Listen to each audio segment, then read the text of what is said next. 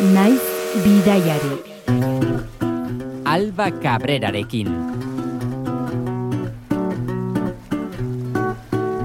So clap your hands. Arratxaleon entzule, asfaliko bidaiari, ze moduz, pentsatzen dut, nahikoa lan izango duzuela oporrastiko ajea kudeatzen, eta horregatik, ba, errutinara buelta purba xamurragoa egiteko, hemen gaudegu, nahi zirratian, bidaiari saioren bigarren demoraliarekin. Uzta oparoa jaso genuen joan den ikasturtean, eta guretzat bidaiak aurrera jarraitzen duenez, bi astez behin, ahots berriekin egingo dut topo berriro ere, etxe gertuko altxorretatik hasita, urritiko helmugak ezagutzeko. Bilbotik hasiko dugu gaur bidea. Gure lehen gonbidatuak ere horrela segintzuelako orain urte batzuk. Hiru urteko bidaia bat izango dugu izpide, Koldo Burgoak motor gainean egindako hiru urteko bidaia justu. Koldo, atxaleon, ze mauz? Arratxaldeon, da, ondo mendikan. Bilbo aldetik, ez da? Bai, bilbotik. Horain bere, atera berri naz eskolatik, bueno, duela ordu pare bat, eta lasai hemen parkean. Honek justu euria azten ari du, baina, bueno, ondo. Ba, akigu nolako da Euskal Herriko eguraldia. Bai, klima. Bai. Motorra ipatu dut, Koldo. Nor da edo, edo zer da hobeto esan da oniria? Oniria, nire ametzak e, bete zituen motorra da oniria. E, oniria jarri nion, ba hori, mundu onirikoari referentzia eginaz, eta da hori, ba, nire ametza zanez e, bidaiatzea mundu guztitik motorrean, bueno, egia zan bidaiatzea mundu osotik, ba oniria deitu nuen. Eta oniria eta zu konplizia handiak bihurtu zineten hiru urteko bidaia horretan? Bai, danetarik gertatu zitzaigun bioi. bai berari, bai neri. Eta, bueno, konpontzen joan ginen ondo, batzutan e, bata bestearekin moskeatzen ginen, beste batzuetan e, algarak eta posik eunden, badakizu nolakoak diren bi- olako bidaiak. Batzutan gertuago, beste batzutan urrutiago, baino beti elkarrekin. Gaurkoan koldo, ez gara herrialde bakarrean soilik murgilduko ez, izan ere zu antxe ibili zinen oniriaren gainean, gora eta bera ezkerreskuin, e, munduko mapako txoko ezberdinak bisitatzen, eta, eta bueno, ba, herrialdeak iragarri aurretik, objektu bat ekarri didazu gaurkoan ez, hain justu, irurteko bideia honekin harremantzen duzun objektu bat, espartzua, Bai, bai, e, e, bai, herrialde batera heldu nintzanean, eta jendearen netzeetan gelditzen naizenez, ba batek aipatu zidan bere osaba duela, edo, bueno, berraz, barra osaba edo, e, asmatu hemen zuela, ba, estrofajo bat, ba, metales, metaleskoa da, patentatu zuela, eta papatean, ba, hori tiroia euki zuela, eta gaur egun etxeetan daukagula, ez? Ba, dana pegatu da gelditzen zaizunean hor, e, sartaginan edo, bueno, justo sartaginan ez, bestela te foia porten dozu, baina, ba, hori kentzeko e, estropa joiek, beraz matu zuela, eta kurioso iruditu zitzaidan, da beti geldi- gelditu zaidor buruen. Eta zuk erabiltzen duzu Bilbon zaudela? Espartzua edo nanasa? E, bai, erretzen zaidanean, e, Baskaria edo batez ere. Eta bidaian? Ba, bidaian, erabili izan dut, e, kentzeko ere porkeria leku batzutan, osea, grasalamen inkustatuta dagoen motorrean e, metaleskoak diren parteetan eta, ba, erabili daiteke, baina, bueno, e, ez da oso gomendagarria egia esan, motorrean erabiltzeko behintzat ez. Aipatu bidazu lagun, lagun batek esan zizula nola bere osabak asmatu zuen espartzua. Ondoren, tarte hartu aldezu, ziurtatzeko hori horrela den edo ez. Egia esan ez, gelditu zitzaidan hori anekdota polita bezala eta, baina inoz ez dut jo Wikipediara edo ikusteko nora asmatu zuen eta zein herrialdetan. Osea, kien ez da ez da herrialde horretan asmatu batek daki. Eta zein, zein herrialdetan ezagutu zenuen lagunura edo non asmatu zen ustez espartzua? Ba, Argentinan antza denez, e, doberak komentatu zidanez. Nik handik nebilela, ba hori motorrean, negoen pasatzen e, bai Chile eta Argentinaren artean, handezet, handezetako mendietatik ez, gora eta bera, eta ba hori baten etzian gelditu, eta pumba, hori esan zidan, anekdota moduen da esan, oi ba, Argentinarra inventua, eh? Gaurkoan beraz, Argentina izango da, zapalduko dugun herrialde horietako bat, ez da bakarra izango, ez da? Ez, badauz batzuk, bai. ez da bakarra izango, eh? Eta prestaude horietan murgiltzeko, koldo? Ah, saiatu gaitezen, venga. Venga, saiatu gaitezen ba. Guazen ba. Esan dezakegu koldo, zure motor zaletasuna eta bidaiatzeko grina eskutik nahiko, nahiko estuki lotuta dijoa zela. Ba bai, beti ere, osea, ni justo irakasle moduen eh, lanian hasi nintzanean, da etxe berri batera, bueno, nire, etxetik, nire gurasoen etxetik eh, aldekin nuenean, urte berean gertatu zen, da orduen bidaiatzen hasi nintzen, e, erosi nuen lehenengo motorrarekin, eta arrezkero ezagutu nituen e, ba, moteroen edo ba, esparruak eta nola e, erlazionatzen ziren eta zeukaten solidaritatea euren artean eta eta izugarri gustatu zitzaidan. Da arrezkero, ba, hasi nintzen motorrean bideiatzen, lehenengo Espainia eta Portugaletik, ba, uf, eurbilen dagoena delako, eta gero, eta urrunago hasi nintzen bideiatzen, batzutan motorrean, beste batzutan e, gazkin hartuta eta gero e, transporte publikoak eta barera bidita, beste batzutan ere autoestopan ere egin dute bidai asko. Ere gustatzen, gustatu zitzaidan pilo bat, baina justo ere hori motorrarekin erlazionatuta dago. Ah. Zeren ni motor, ba- motorrean hasi nintzen bidai bat, eta txarto atera zen, motorra hautzi egin zen, eta erabaki genuen bidaia ezin zala bertan behar hautzi, ze bidaia beti da lehentasuna daukana, eta orduen e, autoestopan astea e, erabaki genuen eren eska hoi eta biok. E, in- ez bera ez nik ez genuen aurretik egin, baina esan genuen adoretzu, eka aurrera Errumania eta Bulgaria, ba, autoestopean. Da, Eta orduen, lortu ba, al zenuten? Horrela izan. Bai, eh? Lortu altzen duten Errumania eta Bulgaria autostopen ezagutzea. Noski, eta oso ondo atera zanez, urrengo udan joan ginen Balkanak egitera, eta urrengoan e, egin genuen Transiberianoa, Errusia eta Europa guztia zerkatu ze autoestopean, iruro lau egunetan. Kasu horretan motorra garajean. Claro, horrela diru aurresten da. autoestopean diru pilo bat aurresten da, eta horrela e, aurrestuz dirua e, prestatu algin nuen hiru urteko bidai bat motorrean mundu osotik. Da horrek eramango gaitu Argentinara. Oso ondo, orain artekoak e, ulertu, gaizki ulertu ezpalin badut, bueno, irakasle lanetan murgiluta, udako bi hilabeteko oporraldiak edo gabonetakoak, astesantutakoak aprobetxatuta ezagutzen zenitu denez, e, munduko e, txoko hori guztiak, eta zuk ondo esan dezun bezala gaurkoan ordea, hiru urtez egin zenuten bidaiaren errepasoa egiten, ahal eginduko gara behintzat, azkar batean balin bada ere. Hori da. Labur bulituko ditugu pilo bat hiru urte horiek, noski. Ze momentutan harrapatzen zaitu zu, Koldo? Nik beti pentsatu izan dut, osea, motorrearen zaretasun hori neuk asistitzaidanean egin, eba, egin behar nuela Che Guevarak egin zuen bidaia bezalako zeo zer, Latinoamerikatik. Osea, hori buruan neukan. Baina Latinoamerika baino lehenago ere eh, ezagutu nahi dituen nire ikasleak zituzten eh, realitateak, adibidez herrialde magrebietan eta eta Afrikan. Orduan pentsatu izan nun, lehenengoz Afrika egingo, egingo nuela, gero Asia, Asiarekin lotu, ba, errepidez egin eh, nezakelako, eta azkenian utzi Amerika eh, egiteko. Baina, bueno, aldatu zen ere proiektua ez, bidaiatzen duzun bitartean, e, konturatzen zara agian e, gauzak aldatu behar direla, eta Afrikaren erdia egin nuen, eta gero hortik Sudamerikara salto egin nuen, da Mhm. Sudamerika ikusi nuen, ez Amerika osoa. Bideak itzuli asko ematen ditu, ezta? Bai, baina hori da, be, be bai, bidaiatzaren gauza polita. E, malgutasuna. Nire ustez e, ezin da zu, ezin zara ibili idei zorrotzekin da, hau egin behar dugu eta ez bada ateratzen, ze, ez bada ateratzen frustratzen zara eta azkenean ez dozu gozatzen bidaia. Orduan malgutasuna niretzat da klabe tariko bat. Tempoak nahiko markatuta zenituen hasieran dena dela, ezta? Bai, e, hasiera baten proiektu moduan neukanean ere ametzetan edo nere buruan, zan e, urte bete Afrika iteko, zirkunbalatzeko, beste urte bete Asia pizkatzu bete ezagutzeko, da azkenengo urtea, e, hirugarren urtea, Amerika iteko. Azkenean izan zan urte terdi Afrika iteko, eta urte terdi horretan e, istripu bat izan nuen, eta etxera bitxuli behar izan nintzen, zazpi hilabetez, e, bakuntza bat e, egin behar izan zidatelako horre besoan, bueno, klabikulan, eta tendoiak eh, berreskuratzeko eta, edo, bueno, josteko edo ez dakit zer egin zuten tendoiekin, baina, bueno, berriro lekuan jartzeko edo. Eta horrek ere, ba, sei edo zazpi hilabete mantendu nuen, e, ninduen etxean. Ba, Bilbon. postoperatoria eta, bai, Bilbon, errekuperatzeko. Eta gero, ba, gutxi gora bera mugitzen nuenean besoa, ba, berriro itzuli nintzen Afrikara, ongotik eh, Sudafrikara, eta Sudafrikan Salto. da mm, salto egiteko momentua. Eh? Erabakitzen dudanean, urte bat eta erdi pasata, ja, denboraren erdia pasatu dala, eta txegabararen ametsa bete behar nuela. Orduen, ala, Latinoamerikara Che Guevararen atzetik. Hori.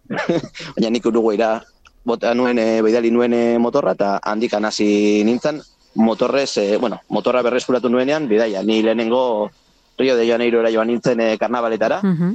zeren hiru hilabete ia lehenago heldu nintzen motorra baino, eta zeo zer egin behar nuen denbora horretan. Berdin ba, autostopean eta, eta, eta bueno, lau, pertsona batzuekin juntatu nintzen kotxe batean eitekota, eta azkenik, heltzen gara Uruguaira, motor hartu, eta Eta Latinoamerika hor hasi edo. Sudamerika, bai, bizitaldia. Kokatuko bagina hiru urte horien hasieran, ez? Zure buruan dago Afrika, dago Asia, dago Hego Amerika, askotariko klimak, ekosistemak, balintza klimatologikoak. Ze sartu motxilan, koldo, nola prestatu alforjak? Berdin dio nola prestatuko dituzuen edo dituzten urentzulek, zeren beti eramango ditugu behar baino gauza gehiago. E, beraz, pentsatu behar dituzun gauza guztiak, kendu euneko laro marra eta nahikoa dituzu ja. Hasi zenuten bidea bilbotik, berantzko norabidean, Hasi, Afrikara? Marrukosetik, hasi, hasi nintzen gainera nire neska hoiarekin. Momentu horretan neska hoia zan, dagoeneko. Sorti jabete lehenago e, erlazioa eten genuen, baina erabaki genuen elkarrekin hastia, ba, proiektua elkarrekin e, osatzen joan ginelako, prestatzen eta eta amesten, eta diru aurrezten eta bat, eta esan genuen, no, saiatu gaitezen elkarrekin egiten, da momenturen batean e, banatu behar badugu bai e, bidai bikote moduen, pues, banatzen gara, eta listo, bera baseukan izugarrizko esperientzia handia bidaiatzen, eta dagoeneko e, gertatu zan, ez, bidai bosgarren hilabetean, banatu egin ginen togon. Eta, ondo, esperientzia polita, osea, togoraino, ba, bi- bide horretan, Senegaletik pasatu ginen ere, han egin genuen bizpairu hilabeteko bolondrez e, lana, gaztelera erakusten, zeren hegoaldean, kasaman zen, gaztelera erakusten dute bigarren hezkuntzako e, lekol sekundeak, eta en, nola ditzen zan bestia? Lize. lizeoetan. Horietan, bai, hori gaztelera erakusten dute. Orduen, ba, bueno, hori bi egin laguntzen, eta komunitateak laguntzen, eta bar. Eta gero jarraitu genuen, togoraino, han banatu, eta ja, inguru horretan ja, ni jai frantzesa ikasita ja, hasi nintzen ere, ba, murgilpen sakonago bat egiten e, euren e, kulturetan. Eta gulertzen hobeto, ba, euren arazoak, eta bar, nola heltzen ziren adibidez nire ikasleak ona, eta horregatik nola, osea, ikusten dozunen familien konportamendu edo umen konportamendu asko- askotan ez dakizu zergatik egiten duten gauza bat edo beste, ez? Irakasle moduen. Eta ba horrela hor- horrek lagundu ni, ninduen be bai ulertzen eta nola ez euskaten estrukturatua euren familiak, euren gizartea, dana. Eta hori niretzat oso oso aberazgarria izan zen. E, egin Bai, dezagun geldialdi bat togon. Koldo, norantz jo zuen goziak? E, goziak e, jarraitu zuen be bai e, a- e, ego Afrikarantz, baina bera e, jarraitu zuen autostopa egiten eta e, garraio bide publikoak erabilita. Eta gozia iritsi zan horrela- Ego Afrikara? Arazo barik, heldu zan bai. Bai. Formaz asko aldatu altzuen bidaiak bapatean, ez? Goziarekin bidaiatzen astetik, ba, zu zure buruarekin eta oniria motorrarekin soilik bidaiatzera. Asko, asko, asko aldatu zen. De hecho, e, togotik al, alde egin nuenean, Nigerian sartu eta ama bostegun hartu nituen ere burua pizkatxu bete berriz bere lekuan kokatzeko ez, eta errealidade berrira egokitzeko, zeren esaten dozuna, dan aldatu zen, jaz ginen bi, e, ekipajea esan berdina, baina nik eramaten nuen gainera nerekin negoziaren motorreko arropak eta gauzak, ze berri berriak ziren, da ez nitu, osea, pena ematen zitzai, ematen zidan e, bota behar izatea, gaur egun egingo nukena izango zan oparitu. Baina momentu horretan, ba, erabaki nuen e, danan erekin eramatia. Eta eta oso aukera txarra izan zen, zeren oraindik volumen handia eramaten nuen, ni oso pertsona bajuanaz, motorran ez nintzen ertzen e, bi hankekin lurrera, eta ba hori, jarraitzen nintzen jausten leku askotan, kongo neuki nuen istripua, esan izan horregatik, esan izan ni bajutuan nintzelako, baizik eta maleta bat lurrera jauzi kurba baten erdian, eta motorra ba... Oreka gaztelaniaz galdu esaten da, zuen. Por orejas, jaurti nindun. Eta hori nuen, e, hori, besoa edo, ligamentuak. Laguntza ederra jaso omen zuen nuen? Ba bai, beti entzuten nuen, e, bidaia hasi aurretik eta Afrikan egon ez diren pertsona askoren hauan, e, Afrikan istribu bat izan ez gero, dana lapurtuko zidatela, e- eta inkluso e, zera biluz ikutziko nindutela. Eta e, zan horrela izan, justo kontrakoa. Nire motorra eta ekipaje guztia hortik sakabanatuta zegoen, ni lurrean edo nun baiten nengoen, e, ez dut ezer gogoratzen, naiz eta tipoak esaten zuten e, nik momentu oro, e, eurekin normal, normal hitz egin nuela.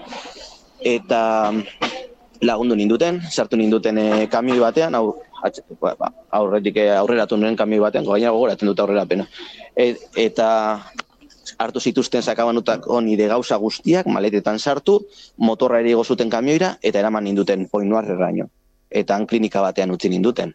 Gero, inkluso, hiru egun beranduago, horietako bat, ba, zi- ziren hiru tipo. E, bat etorri izan bizitan, ikusteko ia zela nengoen. Beraz, jaso nuen laguntza eta eta maitasuna ez modu batean esategatik, osea, izugarri izan zen. Klinikan utzi zintuztenean, nola zinen? klinikan utzi nindutenean, nengoen frustrazio guztiarekin, gainean, e, ez dakit, osea, sentitzen nintzen, ez dakit nola saldu, ziren hainbeste gauza sentitzen dituenak momentu horretan, baina nire proiektua bertan behera utzi geldituko zela edo somatzen nuen modu batean edo bestian, naiz eta nire buruan edo nire bihotzean, esaten nuen, ez, ez, aurrera ingo dut, naiz eta besoa ezin mugitu, eta karo, esaten dut, a ber, beso ezin badozun mugitu, irureun kiloko Zaila. motor bat nola eramango beso aurrera, baina, baina bueno, oza, ni jarraitu nahi nuen. Eta Bilbora heldu nintzanen, edo esan zidaten Bilbora bidaliko nindutela eta eta ebakuntza bat egingo zidatela, esan nuen, bueno, itzuli behar naz. Osea, ze, hau, ebakuntza egin eta rekuperatzen nazenean, jarraituko dut. Eta jende guztiak pentsatzen zuen, bertan bera utziko nuela, baina ni oso buru gogorra nazenez, eta beti bidaia lehentasuna daukanez, ba hori zei hilabeteren buruan, traumatologora joan nintzanean, galdetzen zidan neskak, bueno, ja, alta emango dizut eta hasiko zara, e, egazkin tiketak hartzen edo bilatzen? Eta nion, ez, zintut bilatuko, bihar joango naz jakongora, hartu ditutuela bi hilabete. Ja banekien ez gutxi, osea, hilabetero josala traumatologaren zita, esan nuen, bale, ba, trauma, azkenengo traumatologa izan da, behar da, zei garren hilabeten, edo zazpigarren ez negora zein izan zen, eta urrengo egunean hartu nuen, e, bueno, egun, urrengo egunean ez zen bideo irogun beranduago, egazkin etiketa eta joan nintzen kongora. Sei hilabete horiek ez, e, bakuntzaren eta rehabilitazioaren sei hilabete horiek, zuk ere bidaiaren parte hartzen dituzu. Niretzat ziren, hiru urte lan egin barik, e, diruaz e, kezkatu behar gabe, eta gertatzen zan edozen gauza, asumituta neukan e, bidaiaren parte bezala, bai? Orduen, e, frustrazio eta bizi izan dituen gauza horiek, bidaiaren parte. Eta ikaspen moduan, ze azkenean sei hilabete egon nintzen, eta biruan egon nintzen, ez mugitu barik, ez ere egin barik, baina bueno, ikaspen bat izan zen, e, esperientzia bat, azkenean guztietatik ikasten dozu eta guztiak e, ba, erabilia dituzu pertsona moduen e, azteko. Bien bitartean, oniria kongon gelditu zen? Bidaian ere ematen dira kasualidade asko. Orduen justo ni hango klinikan nengoenean, kontakt, kontaktatu ninduen e, tipo bat, ezaguten ez nuena, eta esan zidan Kongoko aerolinietan lan egiten zuela, baina bera Bilboko azala.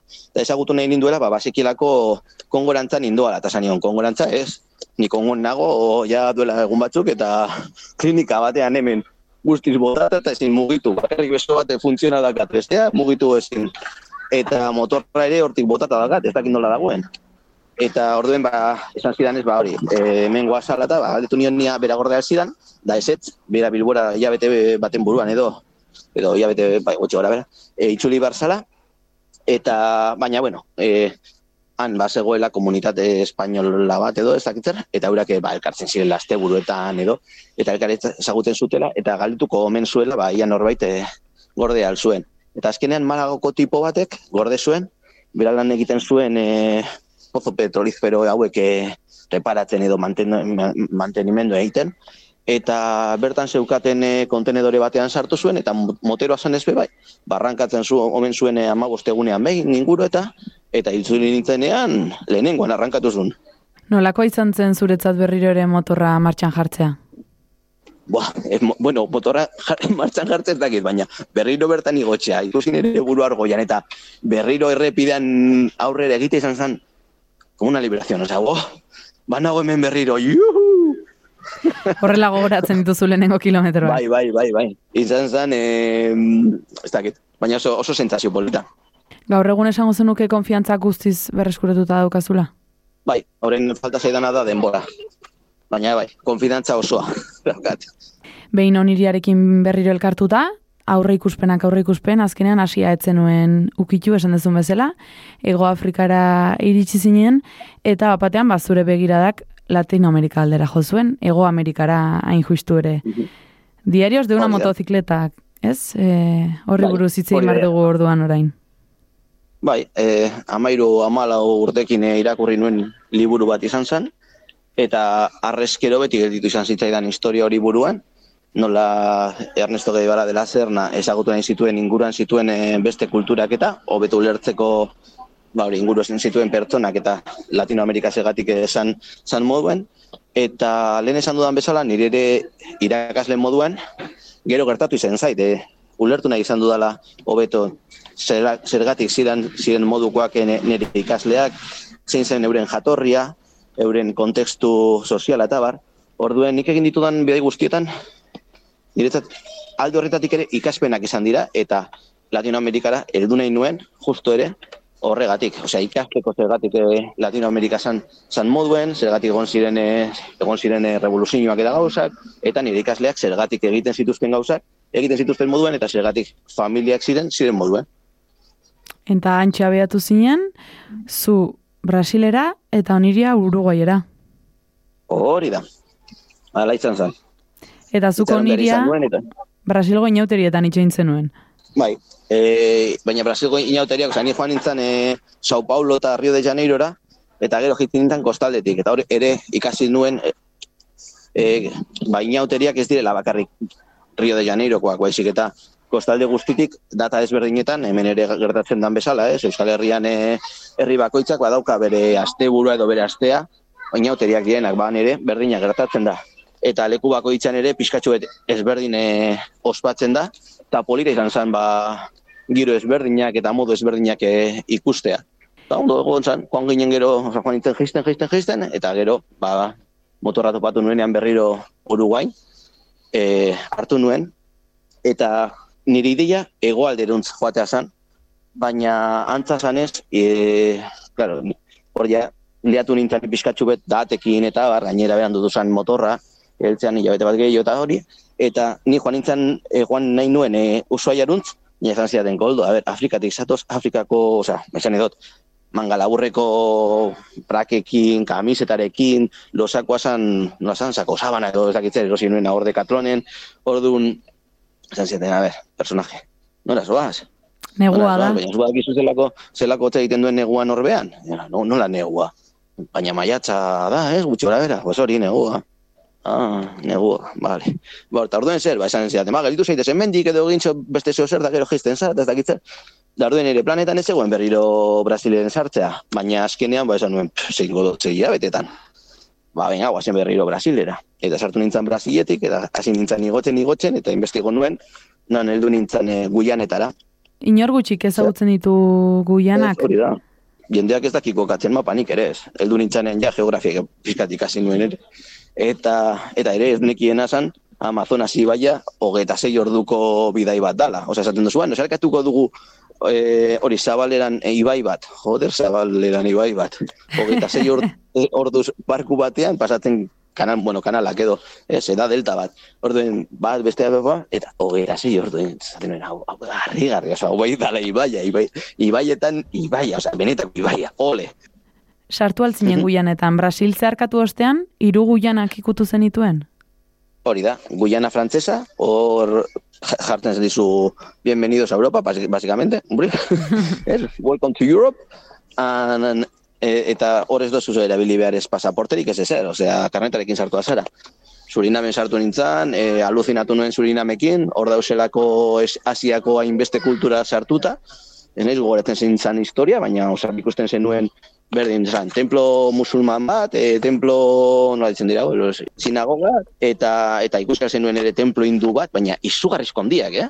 Osea, ez dakit nola izango diren asian dauzenak, baina surinamen daudenak, osea, ez, ez imaginatu Elisa bat, imaginatu bizpairu Elisa edo elkarrekin, e, super handiak. Eta aluzinatu ninduen, ez nekien e, hango realidadea hori zala, nik pentsatzen nuen, ba, ez dakizu, Amerikarrak topatuko nituela, eta jende, osea, Sudamerikarrak bai, baina hori, holandez de- descendentak ere bai, e, ba, zeuden be bai, e, barrazo asiatikoak zituzten e, hainbat e, herrialdetako pertsonak, eta danak ziren surinamekoak.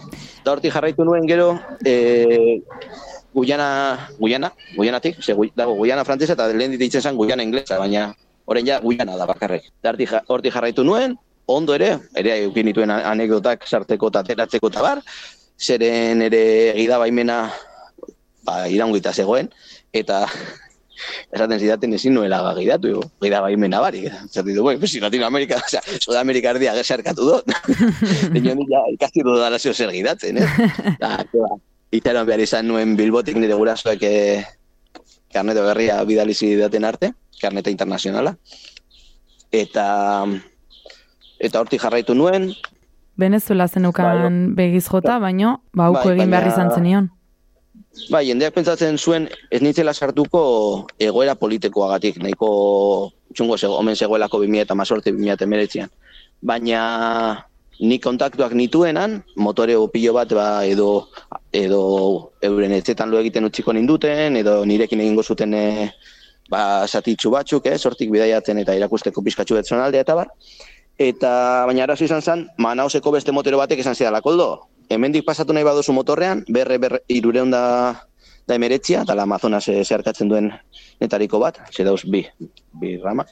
Eta, jo, etorri bazara, ja, ze hasi da euri sasoia, eta, bueno, oraindik ez dago euri askorik egiten, badauz egunak, baina edo etortzen zara aste honetan, edo ahaztu. Hartu beharko dozu beste beste barkutxo bat, egon amarregun hor, eh, moskitos beteta, makan, eta ni bena edot egin Amazonas, ja. Osea, venga, guazen bera, hartu motorra, eta tire ba, bera, berantz. Beraz, Eta heldu nintzen manakera, eta hurrengo egunean Amazonas zeharkatu nuen. bidaietan gertatzen da ez? Ba, tokiren bati, planen bati, uko egin behar izatez, aukeratzen jakin behar dela askotan. Bai, eta nik azkenean e, nire aukera beti da disfrutatzea. Berdin dio, osea, nik ez nago kolekzionatzen, ez na, nire ez da bilduma bat hor non jarri e, zenbat e, herrialde bizitatu ditudan e, nire bizitzan edo ez dakit, ez da kompetizio bat. Orduan, ba, bueno, ba, Venezuela ikusiko dut noiz baiten, edo ez, batek daki. Baina erabaki nuen beruntz jutea, eta alegin nuen, oso ondo pasatu nuen, eta esperientzia oso positiboa izan da. Beraz, ezin aske jatu. Zenbat kilometro dira BR irurunda emeretzia Amazonas zeharkatzen duen errepidea? Jo, ba, ez, kilometrotan ez naz gogoratzen zehazki, baina sortziru kilometro edo izango dira.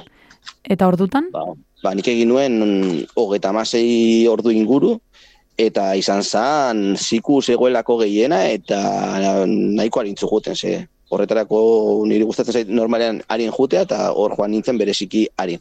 O, eta ez da errepidea, eh, osea, ez da, ez dago asfaltorik, da lurra. Oso labankorra da, la orduen, naiz eta lautan ta jauzi, osea, eman aldozun kastainazo izan da izan daiteke mundiala. Eta baneukan ja esperientzia kongotik. Beraz ez nuen nahi beze jauzi berriro zeo zerautzi. Baina, bueno, e, zeharkatu behar nuen ziku zegoelako edo nahiko ziku, zeren azten bazan euria, ezinezko izan- izango zitzaidan eh, aurrera egitea. Zeren labantzen banintzan ezin nuen motor al- altzatu ni bakarrek. Eta itxaron behar badozu norbait etorri arte, ba, baliteke norbait etortzea, edo ez. Segun besteak pasatu aldiren. Zezuk ezin bazara pasatu agian bestek ere ezin dute aurrera egin. Jende askorekin gurutzatu altzinen bidean. Ba ez, egia esan e, egun horietan ez, kamioiren batekin, motorrik ez eta kotxe pare bat. Dema, lau kamioi esateagatik eta bi kotxe egun horretan. Eta herriskak aldaude bidean.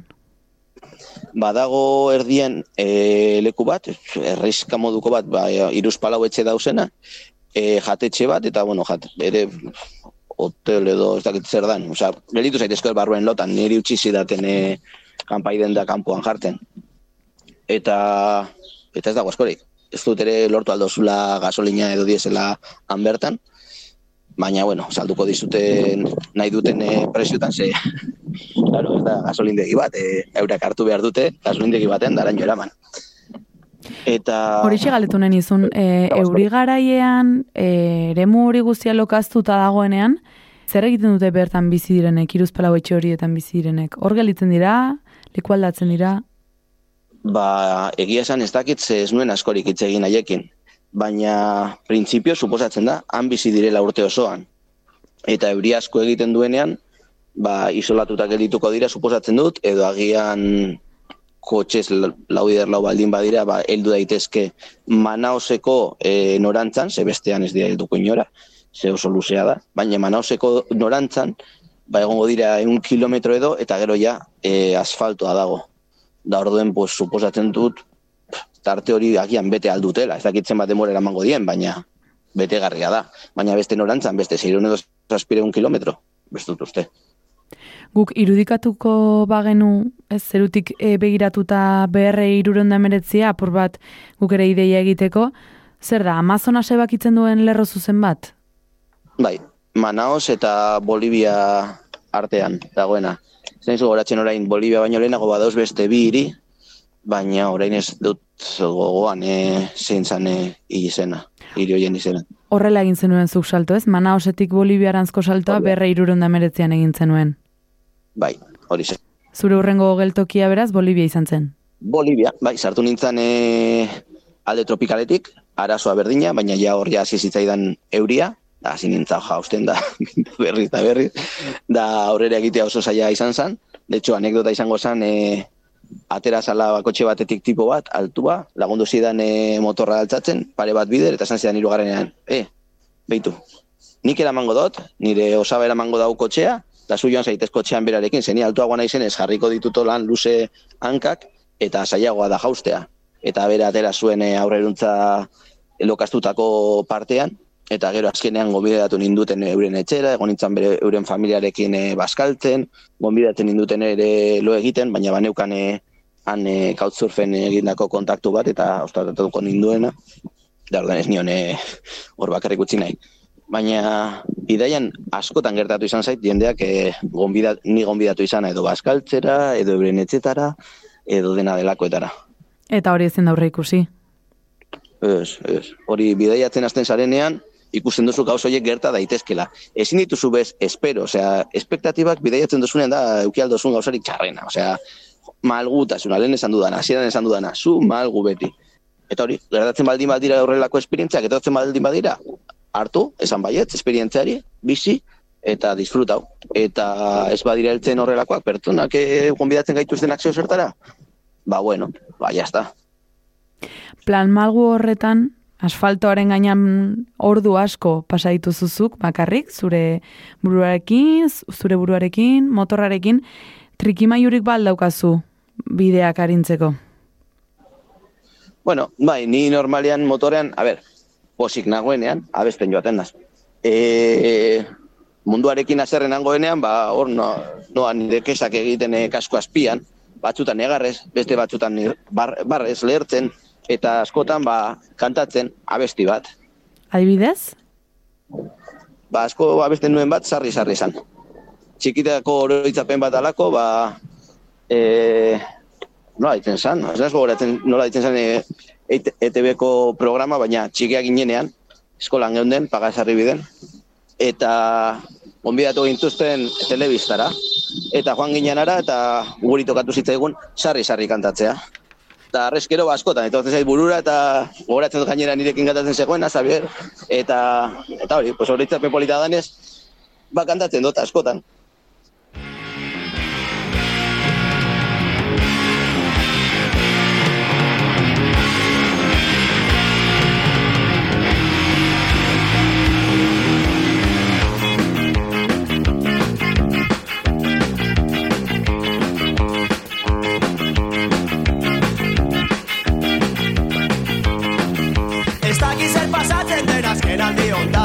Jendea zirela dantzatzen zarritan Zerbait ikusteko aldundi falta jera Los frecuento generalean Sarri, sarri, sarri, sarri, sarri, sarri Sarri, sarri, sarri, sarri, sarri, eskatu Sarri, sarri, sarri, sarri, sarri, sarri, eskatu Koldo, sarri-sarria besteaz gain, zure sekretua kontatzen aldizkiozu oniriari. Ba, kontatzen dizkion, bai, baina nirekin egon zen bitartean. Zeren bidaia bukatu nuenean oparitxo egin nuen, beste pertsona batek eure bere ametsak egin, edo burutu ziz, zezan, ez? Zen ni total, osea, bilbora ekartzea motor niretzat zaharra sana, ez zeukan zentzurik, eta Sudamerikan, Argentinan adibidez motor hori sortzi mila eta hamar mila euro bitartean e, kostatzen dau. Orduen e, nik sosketa bat egin nuen, e, egon nintzen azkenengo bi- e, herrialdean, esto Kolombian, eta eta egokitu zitzaion edo suertatu zan Argentinar bati tokatu zitzaio Latintxo Hernandezi. eta, eta giza joa Argentinatik, ez zuen nahi, eh, baina, igo zan, motorra hartu, Argentinar eraman, konpondu, bueno, konpondu edo mantene, mantenimendu egin, eta antzadan ez, eh, horrekin eh, bideiatzen ari da. Ez da espartzoren sortzaiaren hiloba izango? Ba, esan, es- esan izan berdina, baina Argentinar celebre bat zanbe bai. Motorrean bidaiatzeko joera handia dauka jendeak. Ba bai, e, uste duguna baino gehiago. De hecho, Afrikatik ba, ezagutu nituen beste motero batzuk eta egin genuen e, Afrika bidaiat, bidaia, e, motor bidaiarientzako e, WhatsApp talde bat eta eta bai, jende pilo bat dago gaur egune bidaiatzen. Ez dakit Covidaren ostean aldatu zen, baina aurretik jende pila bat bidaiatzen zuen Afrikatik. Eta Ego Amerikan zehatz mehatz, e, motorzalen babesareak omen daude. Bai, e, eldu nintzanean Brasilera, ja komentatu zidaten, hori, sareen berri eman zidaten, baina gauza da guk europeo moduen beldur moduko bat daukagula eta esaten dugu, ez, ez dakit beldurra dan edo ezin sinistu, ez? Jendeak e, zur, euren etxeetan nola hande balde hartzen zaituela eta ez dakit zer, ni baneukan kautzurfineko esperientzia, baina ez nuen oso ondo ulertzen nola zan hori, WhatsAppen bidez eta ez dakit zer, eta azkenean probatu nuen eta zan oso sistema erreza, WhatsApp taldeak ziren, non e, motero batzuk, ostatatzen dituztenak kanpotar, e, kanpotik, edo, bueno, edo euren herrialde beretik, doazen e, beste bidaiari batzuk, beste motero bidaiari batzuk, eta badoaz, ba, behin baten, eta gomendagarria bazara, osea, ondo portatzen baldin bazara euren etxeetan, etxe batetik bestera pasatzen zaituzte. Orduen, ba, azkenean, couchsurfing baino horrazagoa zan, ze couchsurfing, nien, ba, bida, osea, begiatu behar dituzu profoiak, e, bidali mezu bat, onartu behar zaitu, ez dakitzer, eta hemen pff, eurak izaten zuten, aizu, hemen dago koldo, superondo portatu da nire etxean, norbaiteke jaso nahi dau, bai, venga, urrengoa joan zaitez ez dakit nora, vale, venga, perfecto. Eta horrela egon zinen gainera ez, e, Bolivia atzean utzi Hortik ba- ostean, e, Puerto Bai, Nataleseraino, Bai, egon nintzanan e, couchsurfingen ere, eta han ostatatuta geunden hogeita zazpi, hogeita mar pertsona, aldi berean, astero aldatzen zirenak, baina nik editu behar izan nintzanan hilabete bat, e, atzeko amortiguadorea utzitan eukalako eta aldatu behar genuelako. Eta, ba, itxaruten nuen bitartean, ban egon nintzen, lasai asko, eta gauza berriak ikasten, adibidez, friganismoaren inguruan ikasi nuen, zerenan errutina zan, e, pertsona bat, ba, Osa, bakoitzak laguntzen zuela etxe horretan, alzuen gauzetan. Eta goizetan, ateratzen ginen janari, janari bila. Oso garestia zan guztia. Zeren e, Txile eta Argentinako hegoaldea dana importatu modu- moduen eraman behar da. Zer, eraman behar da, e, ba hori, Buenos Aires edo Santiagotik, araño, barkuz edo kamioiez, eta e, hitz egiten gauz, Europa guztia zerkatzea modua dala. Ze dire, 6.000 kilometro edo. Argentina punta batetik bestera, 6.000 kilometro daukata. Europa ere punta batetik bestera, beste 6.000. Holan, ba, gure entzuleak ere idei bat egin dezaten. Orduen, e, oso garestia zen, da guk egiten genuen zen atera, eta barazkidendetan eta ba, galdetu, ia zeo zer zeukaten botatzeko eta, eta azkenean gu jaten genuen primerako produktuak, ba, sagartxu bete agian kolpetxu bat zeukana edo, ba, ezuketzean, zatitxorik kendu eta eta jaten dozuna, ba, horrelako gauzak, doain, debalde, eta gogoratzen dut adibidez, e, nola, ez, mahatzak, super, super garestiak zirela, zen, zen e, fruta garestiena, eta guk, debalde, jaten genituen kiloak eta kiloak. Orduen ba, izugarri, izugarri izan zen esperientzia, super ona. friganismoaren atea iriki zitzaizun orduantxe, irikita jarraitzen aldu, alegia. Oraindik ere bertan bizitakoak epe luzez iran aldute zugan. Bai, a ber, azkenean nik ikasten ditudan gauza guztiak, gauza batzuk, aplikatzen ditut zuzenean, nitzultzen izenean, e, gauza horiekin jarraitzeko hemen bilbon, eta beste batzuk, adibidez veganismoarekin, ez dut nik jarraitu hemen, baina besteren baten bideiatzen dudanean edo beste lekuren baten, egin ezake berriro. Azkenean, bizitzarako esperientziak dira eta ikaspenak. Usuaia ikutu zenuen, azkenean? Bai, baina zoritzar, usuaia gainera da meka moteroa, osea, danak joan behar gara, hori, esaten dute Latinoamerikarak. E, usuaiara. Ni heldu nintzen, baina motorra Puerto Natal esen utzita. O, gertatu zen bebaian, e, ba, bertako etxekoekin esan zidan Argentinar batek oso punkia eta eta Barcelonako beste punki bat. Nori punki punki. E, Ze, joango, esango, esan zidan neskak, joango gara usaiaraino autoestope egiten, zezu beti egiten dozu ere autoestope egiten dozula bidaiak eta, eta zenion, ba, ah, bale, noski, aspaldi ez dudala egiten, azkenengo aldea Brasilen izan zen, ia, ia duela urte bete, edo, bai, sortzi behatzi bete, Venga, egin dezagun, da esan zuen hori, Barcelonako abesta, ei, importa zaizuen ni ere gehitzen manaz? Banga, guazen, irurak, ederto, eta joan ginen autoestopean, e, asteburu baten, atera ginen, e, uste dut izan zala, ostiralean, ostiral goizean, arratzalderakoan gauden, gau, gau, e, bi gau egin genituenan, eta gero igandean itzuli behar izan ginen. Azkenean ez ginen heldu igandean, baizik eta astelenean, baina inorez genuen ez lan egin behar, pues, ondo. Meka moterora motorra gabe. Ja, baina, bueno, nire bizitzan horrelakoak hainbat kontatu aldizkizut. Oniria gaixo zegoen, garai horretan. Bai, gizaja. Eta horrenbeste kilometro indagero eta horrenbeste tokitan egon dagero, egon, egon alda e, txokoren bat esan zula, jo, hemen guztua geldituko nintzen bideiatzen, e, bizitzen. Bizitzen, niretzako Brasil, super lasaia dan herrialde bat da, mm, giroa super ona, janari ere ona, fruita non nahi daukazu eta doainik da ia, ze botatzen dute. Beraz, niretzako Brasil izan zen oso lekurik eh, polita da bueltatuko nintzakena. Eta neketxu alda koldo, ez? E, etengabean etxez Bidaiatzea. eta loleku aldatzen egotea. Ba, bai, bai. Jendeak pentsatzen daue oporretan gaudela, eta ez da oporra, bidaiatza beste beste kontzeptu bat da. Oso nekagarria da. Oso nekagarria izan zen batez ere Afrika, izan zen nekagarriagoa hizkuntzen eta e, hizkuntzak alde batetik, sostopo bat zan, ez? Ko, e, komunikatzeko eta bertako jendearekin, eta beste aldetik ere euren pentsamoldeagatik hain ezberdina da, zuguk gatoz eh, kultura kapitalista batetik edo, eta eurek ez dute ulertzen gure gure kultura. Edo guk badaukagu hemen e, seguridade soziala eta gauza hauek, da eurak ez daukate, orduen eurak bilatu behar dituzte euren estrategiak ere euren e, bizimodua bermatzeko eta bizi irauteko. Orduen gauza hoiengatik ere hori ulertzeko egin, egon berzala denbora guztien buruari eragiten, eta oso oso nekagarria da. Motorrean baldin bazabiz gainera bidaiatzen, beste esfortzu bat gehitu behar diosuna, ze motorra exigentea da. Bai, nekagarria da bidaiatzea. Horrelakoetan, hiru urteko epe horretan, etxea Bilbo faltan bota altzen nuen. Ez, ez naiz izan inoz oso etxekoia. Egia esan ez. Etxea beste toki batzuetan topatu duzu munduan. Niretzat etxea da ni dagoen lekuan.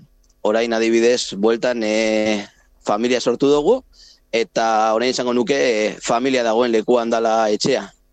Baina ez daukate pisu baten beharrek, edo leku konkretu baten beharrek. Ni eroso sentitzen naz, edo zein lekutan, edo zeinen etxean, bai, Eta horrela ibilizara, horrela ibilizara hiru urteetan zehar, ez? E, ba, toki batetik bestera, batzuetan e, jendearen etxean ostatu hartuta, beste batzuetan ostaletan. Bai, bai, Porto Natalesetik gero jarraitu nuen eta hildo beretik jarraitu nuen e, iparralderuntz. E, be, jendearen etxeetan geldituz, e, jarraitu nuen Txiletik, Argentinan sartu nintzen berriro, Bolivia bizitatu nuen bigarren aldiz, bueno, bigarren aldiz baina leku ezberdina, noski. Ez nuen leku berdina bizitatuko, ez dauka zentzurik. Eta, bueno, bizita batzuk egin nituen, eh, egia esan. Eta gero hortik Perura pasatu nintzen, eta dana egin nuen e, moteroen e, sare hauekin, edo hauetaz baliatuz, eta Perun saiatu nintzen berriro couchsurfine berreskuratzen, eta inork ez ninduen ostatatzen, e, txiklaiora du nintzen arte. Han bi pertsonak onartu ninduten, eta bien etxera jo nintzen, eta bigarrenaren etxea, san neska bat, azkenean nire emazte bihurtu dana, nirekin wow. Bilbora etorri izan, eskondu, eta bueno, esa, etorri ginen ja ide, familia sortzeko ideiarekin. Nirekin bidaiatu zuen lehenengo ze Peruko iparraldetik eta Ekuadoretik, egon ginen hilabete bat eta erdi edo bidaiatzen, eta gero bera itzuli izan e, perura, paperak eta gauzak e, prestatzeko, eta bere aurreko bizitza pues, desmantelatzeko edo, eta eta Bilbon topatu ginen e, ni Kolombian bukatu nuenean, osea, ia, bete bat eta hiru egun beranduago. Hau ez zegoen zure aurre ikuspenetan, hiru urteko bidaia antolatzen, ezta? Ez, ez, ez. Je- e, Neska asko ezagutu nituen eta ni nire bidaia jarraitu nahi nuen. Baina, bueno, hau ba, ai, ez dakit. Justo bidaiaren bukaeran ere ezagutu nuen, maite mindu ginen, gertatzen diren gauzak. Beraz, melodia ezagutzea bidaia borobiltzeko modu ederra izan zen. Ba, polita izan zen, eh? Ez dut esango kontrakoa. Bai, haren eh, usue daukagu, gurekin, e, duela hilabete batzuk e, furgoneta bat erosi genuen, eta hasi gara frogatzen, ia zelan eh, emoten zaigun furgonetarekin, eta txikia ba antxadenez gustora dago, melodi ere, beraz, ba, aliteke aldik eta lasterren eh, proiektu luze berriak eh, astea. Etxera itzuli zinenean, Koldo, e, Kolombiatik, bueno, aipatu diazu, hor ez dugu geldialdia egin, motorra saldu zeniola, bueno, saldu ez, zozketatu zenuela, eta Argentinar bati tokatu zitzaiola, ze izan zan zuretzako, bidaia borobiltzeko modu bat, bidaia hiru eta, hiru urteko etapa hori isteko modu bat? Bai, bai, et, alde batetik niretzat izteko modu bat izan zen. Eta beste alde batetik norbaiti bere zikloa, bidai zikloa irekitzeko beste modu bat. Beraz, onirian naiz eta ziurrenik e, izenez aldatu zuen, baina oni, onirizatzen jarraitzen du. Falta motatzen ez dut arteka? Ez? Inoiz ez nazi izan materialista. Ez ditut e, objektuak eta gauzak e, ez, ez, ez, ez, ez, ez, ez dute beze faltan botatzen etxea, ez dut faltan botatzen motorra, ez dut gauzak ez ditut faltan botatzen. Maitasuna, jendea, hori bai. Baina objektorik ez. Eta hiru urteren ostean, behin oniria ere atzean utzita, melodirekin bilbora itzuli zinen, zer egin zitzaizun gogorragoa, Koldo? E, bidaia astea eta zure betiko rutina alde batera uztea hiru urtez, edo eta hiru urteren ostean berriro ere bilbora itzultzea? Ba, errutinan nastea, ez dut gogoratzen eh, saia egin zitzaidanik. Bilbora itzultzea alde batetik bai, zeren ni bidaian jarraitu nahi nuen, eta zirkustantzen gatik esan nuen, erabaki nuen hor bukatzea, E, baina, ez dakit nola esan, osea, pff, txarrer ez izan, izan ze, etortzen nintzen ja beste proiektu batekin. Orduen, berdin zioen, e, hori bukatuta, basan ziklo bat egizten dozuna, eta beste ziklo berri bat irekitzen dozu. Orain alabak bi urte terdi dazka, eta esaten dizudan moduen, ba gaude ja pentsatzen e, asiatik e, furgonetan bidai berri bat e, prestatzea eta egitea. Orduen, bueno, gauza batzuk bukatzen dira, beste batzuk hasten dira.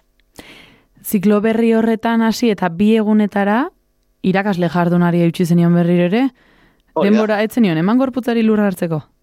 Horregatik, eh, orden ezin izan eh, nuen eh, jetlag ekik izan, ez dukan denborarik, lanean hasi da nintzen. Ez, ondo, eta gainera nire lana gustatzen zaidanez, ba ez nuen eh, arazoa handirik euki. Txiki gelditzen altzaizu ikasgela.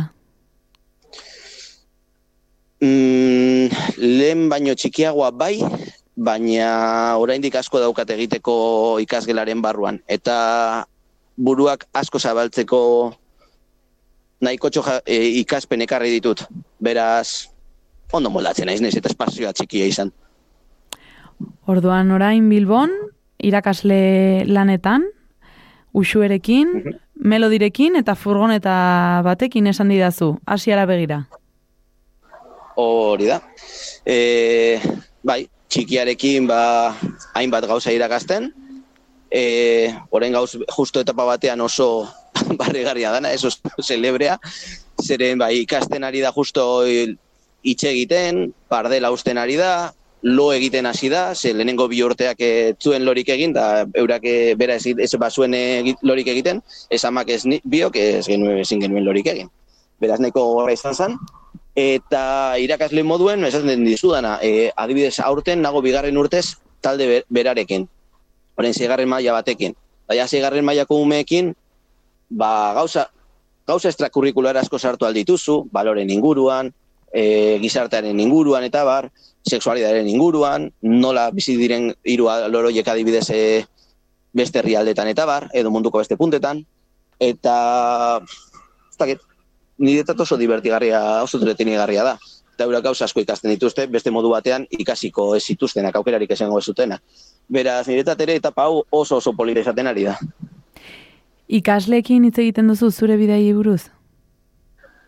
Espreski bidaiei buruz, ez. E, bidaietan ikasitako gauza konkretuen inguruan edo gertatutako egoera, de, osea, es- eskolan gertatutako egoera baten inguruan anekdotaren bat sartu alba dut, anekdota hori kontatzen dut, erabiltzen dut, e, baina kontestualizatuta, baina nik nire bidaiak ez. De hecho, nik YouTubeen eh, grabatu nituen gauza, eh, esperientzia guztiak, badauzkate eunda piko edo berrunda piko, ez dakitzen bat bideo egin nituen, e, iru urte, hiru urte hien inguruan, eta eskatzen zidaten, ekoldo, baina guazen ikustera zure bideoak ez dakiten, ze bazekiten.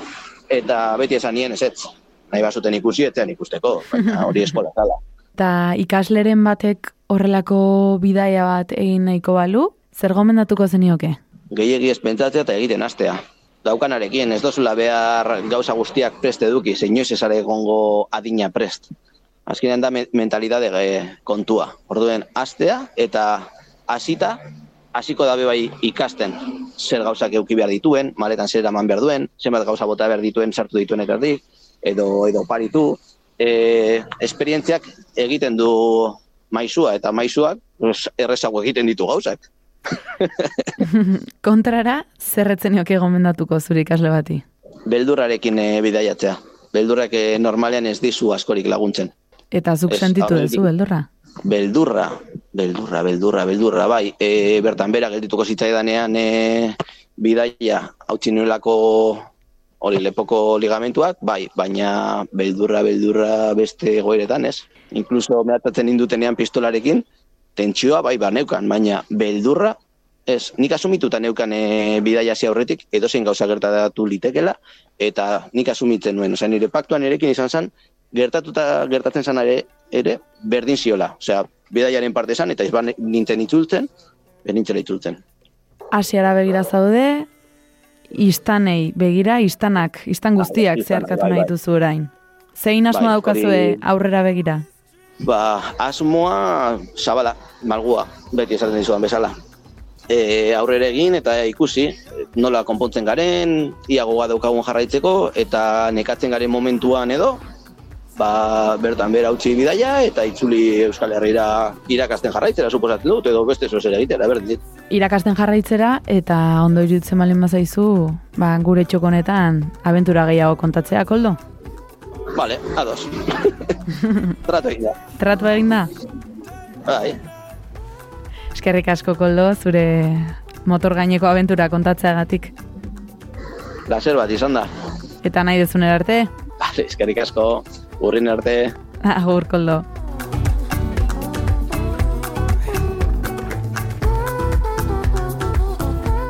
Ikusi duzun bezala entzule, koldoren irurteko esperientziak motxilan sartuta, bagoaz gu pixkanaka ere aurrera, munduko zirrikitu guztiak ez balin bada ere asko ezagutzeko prest.